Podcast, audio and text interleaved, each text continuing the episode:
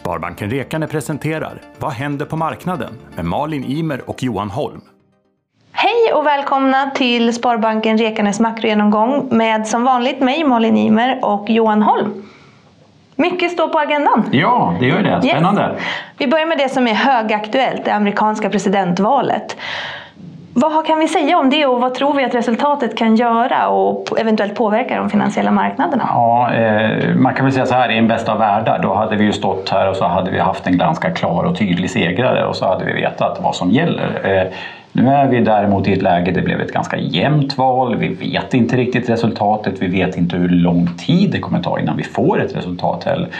Och det här är ju faktiskt någonting som marknaden kanske inte gillar. Marknaden gillar inte osäkerhet om man inte har förutsättningarna klara för sig. Så att det här var kanske det sämsta alternativet ur ett rent finansiellt perspektiv då egentligen. Så att eh, vi får väl se hur det utvecklas men eh, förhoppningsvis så klarnar det här eh, ganska snart i alla fall så att vi har en, en, en, en vinnare och en president så att vi vet vad vi ska förhålla oss till.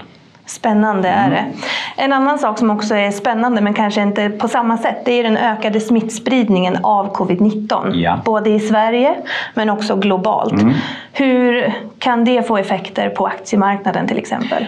Ja, det är som du säger, ty tyvärr har vi fått en ökad smittspridning då, och eh, det, det, är ju negativt naturligtvis. Då. Det vi har sett de senaste veckorna, eller kanske senaste månaden till och med, det är ju att smittspridningen ökar. Vi ser ett antal länder som, som börjar stänga ner igen i vissa områden geografiskt men även vissa, vissa områden eh, framförallt tjänstesektorn kan man väl säga. Då. Det här är ju negativt och det påverkar ju konjunkturåterhämtningen på ett, på ett, eh, på ett negativt sätt. Då. Så att, Tyvärr så får vi se. Vi vet inte hur lång tid det här kommer pågå. Vi vet inte hur stora nedstängningarna kommer bli. Eh, så det här skapar också osäkerhet. Vi var inne på det med amerikanska presidentvalet. Marknaden gillar inte osäkerhet. Det här är en negativ aspekt, påverkar osäkerheten eh, och fördröjer konjunkturåterhämtningen. Då. Så att, eh, ja, det är inte så roligt men, men tyvärr det är där vi är just nu i alla fall. Då. Mm.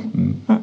Och vi som sparar, mm. hur ska vi tänka med just vårt sparande? Och ja, hur ska vi agera? Ja, jättebra fråga och det, det är väl återigen så här, sparande finns det ju, man kan generalisera mycket men det är jättesvårt att generalisera om sparande för det är väldigt mycket individuella faktorer som styr då. Mm. Vad har man för riskprofil, när ska man använda pengarna och så vidare.